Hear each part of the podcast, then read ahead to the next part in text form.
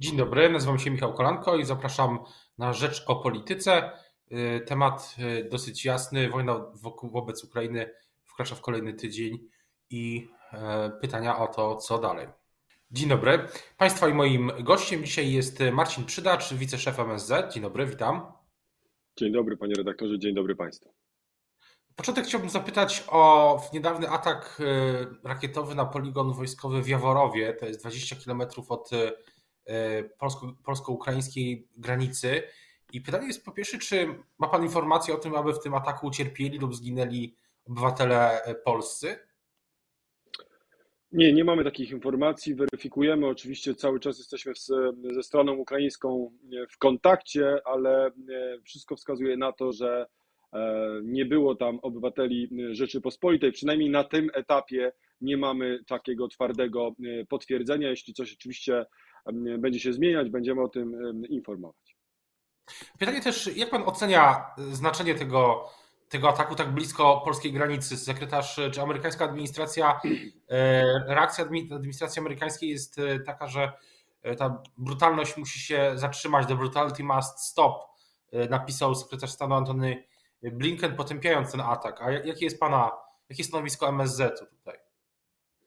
Panie redaktorze, my w kontekście całej, całego ataku, e, tej inwazji rosyjskiej na Ukrainę mówimy, że this brutality must stop. Ta brutal, brutalność, ten bandycki atak musi zostać zatrzymany bez względu na to, czy dotyczy to odległego od naszych granic Mariupola czy Sywierodoniecka, czy też bliskiego naszej granicy Jaworowa, Łódzka, czy Iwano-Frankiwska, dawnego Stanisławowa. Tak naprawdę całość terytorium Ukrainy powinna zostać oddana rządowi w Kijowie. Rosyjskie wojska powinny wycofać się stamtąd. Takie jest nasze e, stanowisko. Natomiast mamy oczywiście świadomość celów polityki rosyjskiej. Nie jesteśmy naiwni. Widzimy też E, jak te cele polityka rosyjska, e, e, czy Kreml chce realizować, a chce je realizować przy pomocy nagiej, brutalnej siły. Stąd też w naturalny sposób wsparcie dla państwa ukraińskiego, które będzie kontynuowane i mamy nadzieję, że Ukraina obroni swoją niepodległość, a z tych prochów wojennych wyrodzi się nie tylko nie wyrodzą się nie tylko nowe, lepsze stosunki polsko-ukraińskie, ale wyrodzi się także, mam głęboką nadzieję, lepsza rzeczywistość na wschód od, no, od nas. Mówię tutaj zarówno o Białorusi, jak i o Rosji. Ale wracając na chwilę jeszcze e, do e, od właśnie od perspektywy zakończenia tego, tego konfliktu, bo cały czas trwają ukraińsko-rosyjskie rozmowy na, na, na rozmowy. Prezydent Zełenski mówi, że chciałby się spotkać z, pre, z prezydentem Putinem e, w w Jerozolimie. Czy pan uważa, czy uważa pan, że te rozmowy, które mm, trwają, one mogą przynieść y, zakończenie tego konfliktu już y, wkrótce, czy raczej się pan spodziewa, że ten konflikt potrwa jeszcze tygodnie, może nawet miesiące? Pamiętajmy, że prezydent Zeleński od wielu lat tak naprawdę nawoływał do spotkania z Władimirem Putinem. To Władimir Putin nie chciał spotykać się z prezydentem Ukrainy. Jak wiemy z tego pseudo-wykładu historycznego, po prostu też nie traktuje Ukrainy jako podmiotu, z którym mógłby rozmawiać. No, na szczęście jego żołnierze twardo przekonują się na frontach, co to znaczy państwo ukraińskie i jak to państwo ukraińskie potrafi bronić swojego własnego terytorium. Natomiast jeśli chodzi o rozmowy dyplomatyczne, one dotychczas rzeczywiście nie przyniosły żadnych pozytywnych efektów, no trudno oczekiwać pozytywnych efektów, jeśli pierwszym podstawowym żądaniem strony rosyjskiej wobec Ukraińców jest słowo poddajcie się i oddajcie się e, oddajcie swoje terytorium pod nasz zarząd. No, trudno jest tu jakiekolwiek znaleźć pole do porozumienia. Jeśli dojdzie do rozmów e, na najwyższym szczycie pomiędzy prezydentami Ukrainy i Rosji, jeśli Ukraina tego będzie chciała, to my oczywiście nie będziemy e, w żaden sposób tutaj e, tego krytykować. Natomiast trzeba mieć świadomość, że Rosja, aby móc rzeczywiście rozmawiać, musi zrozumieć swoje aktualne położenie. Żeby mogła zrozumieć to swoje aktualne położenie, skoro po 18 dniach nie udało jej się zdobyć Kijowa, no to prawdopodobnie te działania zbrojne będą jeszcze trwały. Jeśli Ukraińcom uda się utrzymać niepodległość przez najbliższe dni czy tygodnie, z każdym kolejnym dniem ta karta rosyjska blednie i słabnie. Czyli można powiedzieć, że czas w obecnej chwili, jakkolwiek by to okrutnie nie zabrzmiało, pracuje na korzyść, mówię o tych wszystkich ofiarach cywilnych, o których się dowiadujemy co, co, co godzinę w zasadzie, co, co chwila, nie, tragiczne informacje przy, przy, przychodzą do nas cały czas, ale w jakimś sensie mówi Pan, że czas mm, działa na korzyść niepodległej Ukrainy. Słusznie pan wskazuje, panie redaktorze, wojna nigdy nie jest dobra. Na wojnie cierpią ludzie, cierpią niewinni, niewinni cywile. Widzieliśmy setki czy tysiące filmów, zdjęć pokazujących kobiety, dzieci szkolne, dzieci nowonarodzone, które cierpią na tej wojnie w naturalny więc sposób. Każdy dzień jej trwania jest złem, obiektywnym złem. Natomiast trzeba mieć świadomość, że Rosja planowała przeprowadzenie tej operacji, jak ona nazywa, bo przecież nie nazywa tego wojną, mówi to, że to jest operacja e, e, na, na terytorium Ukrainy. Miało to trwać 3-4 dni. Rosja liczyła, że państwo ukraińskie, jak za dotknięciem, że po jednym uderzeniu rozpadnie się. E, no widać, że te reformy przez ostatnie kilka lat i szkolenia także prowadzone w armii rosyjskiej, ostrzelanie armii ukraińskiej, ostrzelanie się też tej armii, mówiąc tak już językiem wojskowym, na frontach, chociażby w Donbasie, spowodowało, że to doświadczenie dzisiaj procentuje. I z każdym kolejnym dniem myślę, że ta nerwowość w Moskwie rośnie, rośnie morale ukraińskie, mimo że Rosja gdzieś tam czasowo się przesuwa, no jednak tą masą, liczbą czołgów, tysiącami żołnierzy zalewa tą Ukrainę, ale morale ukraińskie wzrasta, a jednocześnie zaciska się pętla sankcyjna na gospodarce rosyjskiej. Wielu ekspertów no szacuje, że rosyjska gospodarka może się skur skurczyć o 20, nawet 30% w tym roku. Ale wracając, wracając, zaczęliśmy naszą rozmowę od tego ataku na ten ośrodek w Jeworowie i pytanie, czy, czy nie obawia się Pan, że w tej sytuacji, którą Pan też opisał, e, Rosja będzie ponawiać takie ataki, a nawet e, zagrozi, zagrozi naszemu terytorium? Panie redaktorze, myślę, że jest oczywiście duże ryzyko, że Rosja będzie ponawiać te ataki, te bombardowania cywilnych, e, e, cywilnej architektury, ale także i wojskowych jednostek.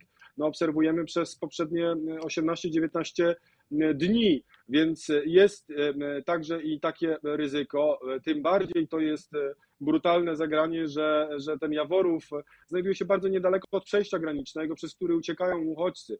Miało to też na celu pewnie wystraszenie uchodźców, spowodowanie paniki i w tym sensie Rosja niespecjalnie różni się od III Rzeszy w 1939 roku. Ja sam pochodzę z Wielunia, jak pan redaktor doskonale pamięta, Wieluń został zbombardowany, mimo że był zupełnie niebronionym, cywilnym miastem, tylko po to, aby wywołać uczucie paniki, aby ludzie zaczęli uciekać, blokować drogi wyjazdowe. Są tu pewnego rodzaju analogie pomiędzy tym, co robi Rosja, a tym, co działo się w latach 30. i 40. na świecie, czy przede wszystkim w naszym, w naszym regionie. Jeśli chodzi o nasze terytorium, proszę pamiętać, że my jesteśmy państwem natowskim. E, nie sądzę, aby Rosja, która nie może sobie w sposób widoczny pokonać, poradzić z państwem ukraińskim, porwała się na atak na jakiekolwiek państwo natowskie, no jednak różnica potencjału jest gigantyczna. To jest jakby nieporównywalna nieporównywalna sprawa. Natomiast trzeba być uważnym i my to, e, to, tą uważność zachowujemy.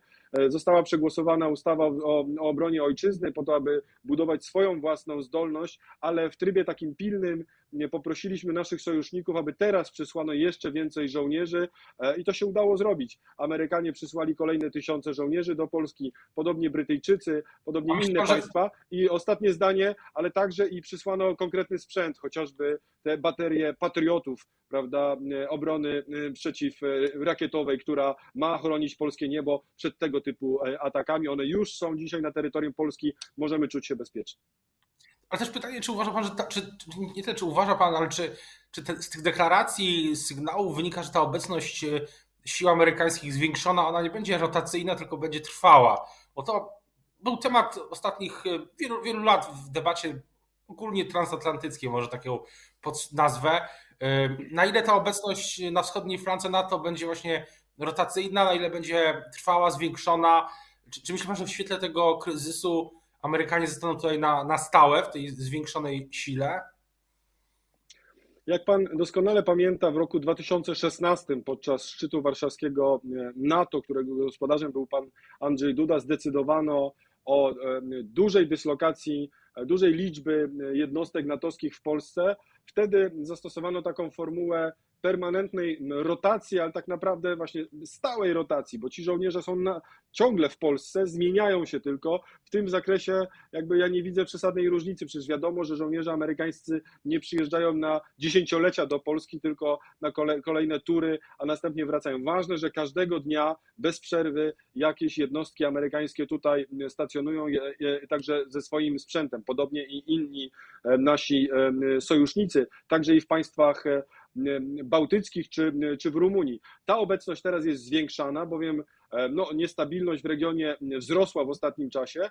Jeśli chodzi o taką e, w sensie prawnym stałą obecność, myślę, że na to przyjdzie jeszcze czas, że trzeba będzie przedefiniować także i stosunki w tej części świata. Mieliśmy w latach 90. podpisany e, ten słynny akt stanowiący NATO-Rosja, który Rosja wielokrotnie już podeptała, złamała, nie, nie zamierzała go wykonywać. E, myślę, że w tym wypadku e, po, po, w trakcie tej wojny, czy nawet po niej, będzie czas na refleksję, jak te stosunki na przyszłość ułożyć, że ten akt stanowiący no dzisiaj zupełnie nie przystaje już. Rosja nie jest partnerem dla NATO, jeśli prowadzi agresywną politykę wobec niepodległych państw. Jest często po prostu dla świata demokratycznego po prostu państwem wrogim. I to widzieliśmy nie tylko na Ukrainie. Widzieliśmy w Salisbury, gdzie truto obywateli brytyjskich przy pomocy służb rosyjskich. Widzieliśmy w centrum Berlina, gdzie w biały dzień człowiek został przez rosyjskie służby po prostu zastrzelony. Widzieliśmy w Czechach, gdzie zostały wysadzone składy amunicji. Tej takiej agresywnych działań, tych takich agresywnych działań rosyjskich w ostatnich latach było aż zanadto. My wskazywaliśmy, to wszystko, za tym wszystkim stoi Rosja, musimy tutaj być czujni, musimy być uważni. Inni partnerzy natowscy, a przede wszystkim unijni mówili nie, nie, ale tu trzeba jeszcze starać się rozmawiać z Rosją, bo Rosja na pewno nie jest taka zła. Ale co do y, właśnie tego redefiniowania świata, to też pytanie, czy, bo inaczej, zanim jeszcze do tego przejdziemy, to pytanie o sankcje. Mówił Pan o tym zaciskającym się, zaciskającej się pętli sankcji, ale czy rzeczywiście one są tak szczelne, jak y, powinny być? Bo czytam oświadczenie, czy oświadczenie, jeden z tweetów ministra spraw zagranicznych Ukrainy, który niedawno, czy dosłownie kilkanaście minut temu pisał, napisał, że mm, więcej sankcji jest potrzebnych, żeby w pełni izolować Rosję, E, i wtedy tylko można powstrzymać Putina i uniknąć e, poszerzenia się tego konfliktu. Czy, czy uważa pan, że bo na ile, e, na ile możliwe jest w obecnym sytuacji jeszcze większe realnie poszerzenie tych, tych sankcji? Panie redaktorze, sankcje zostały przyjęte już drugiego dnia po ataku na Ukrainę. Pan premier Morawiecki w swoim liście wezwał do pilnego zwołania szczytu europejskiego.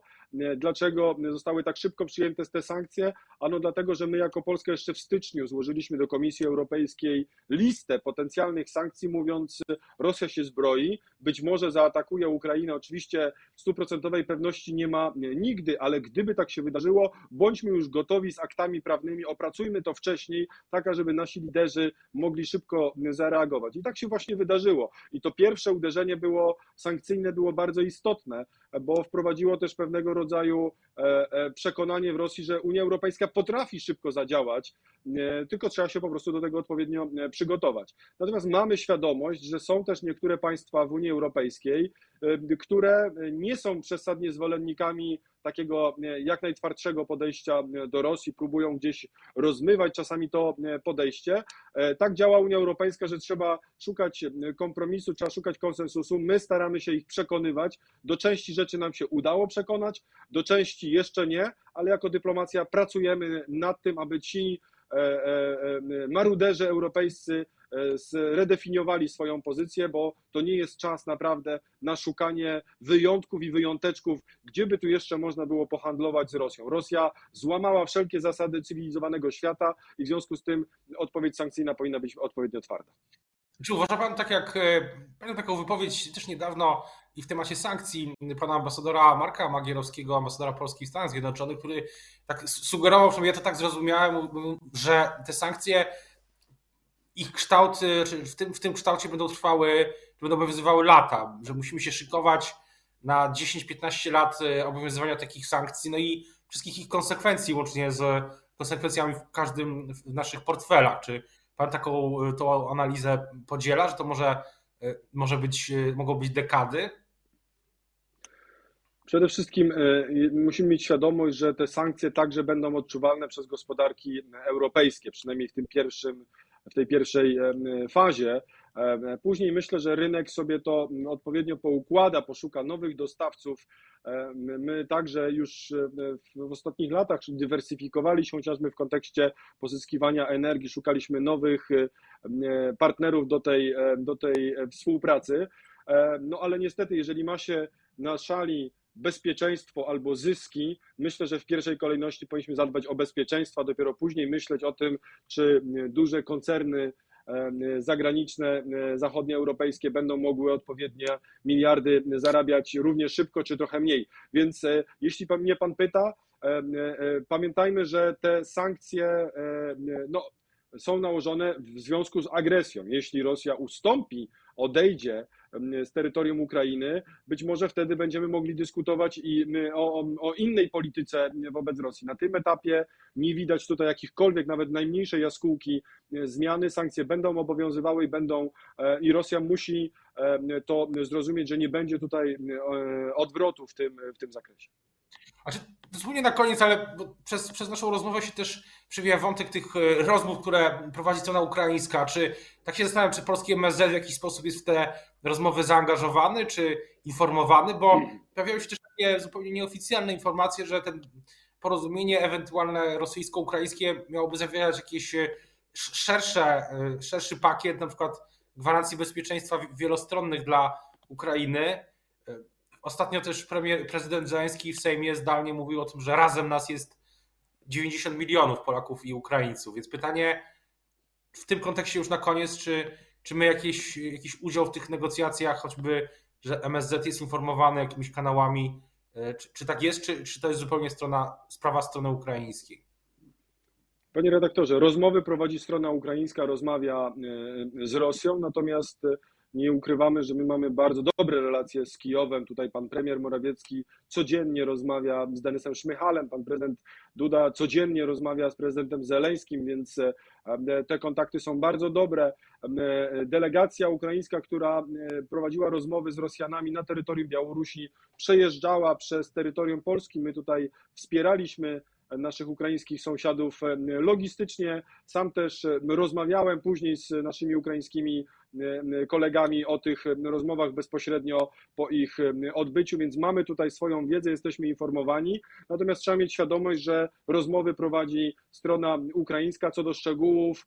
Nawet gdybym, pan redaktor ma tego świadomość, nawet gdybym znał szczegóły ustaleń czy, czy kierunki rozmów, nie mógłbym się nimi dzielić na, na forum tutaj publicznym.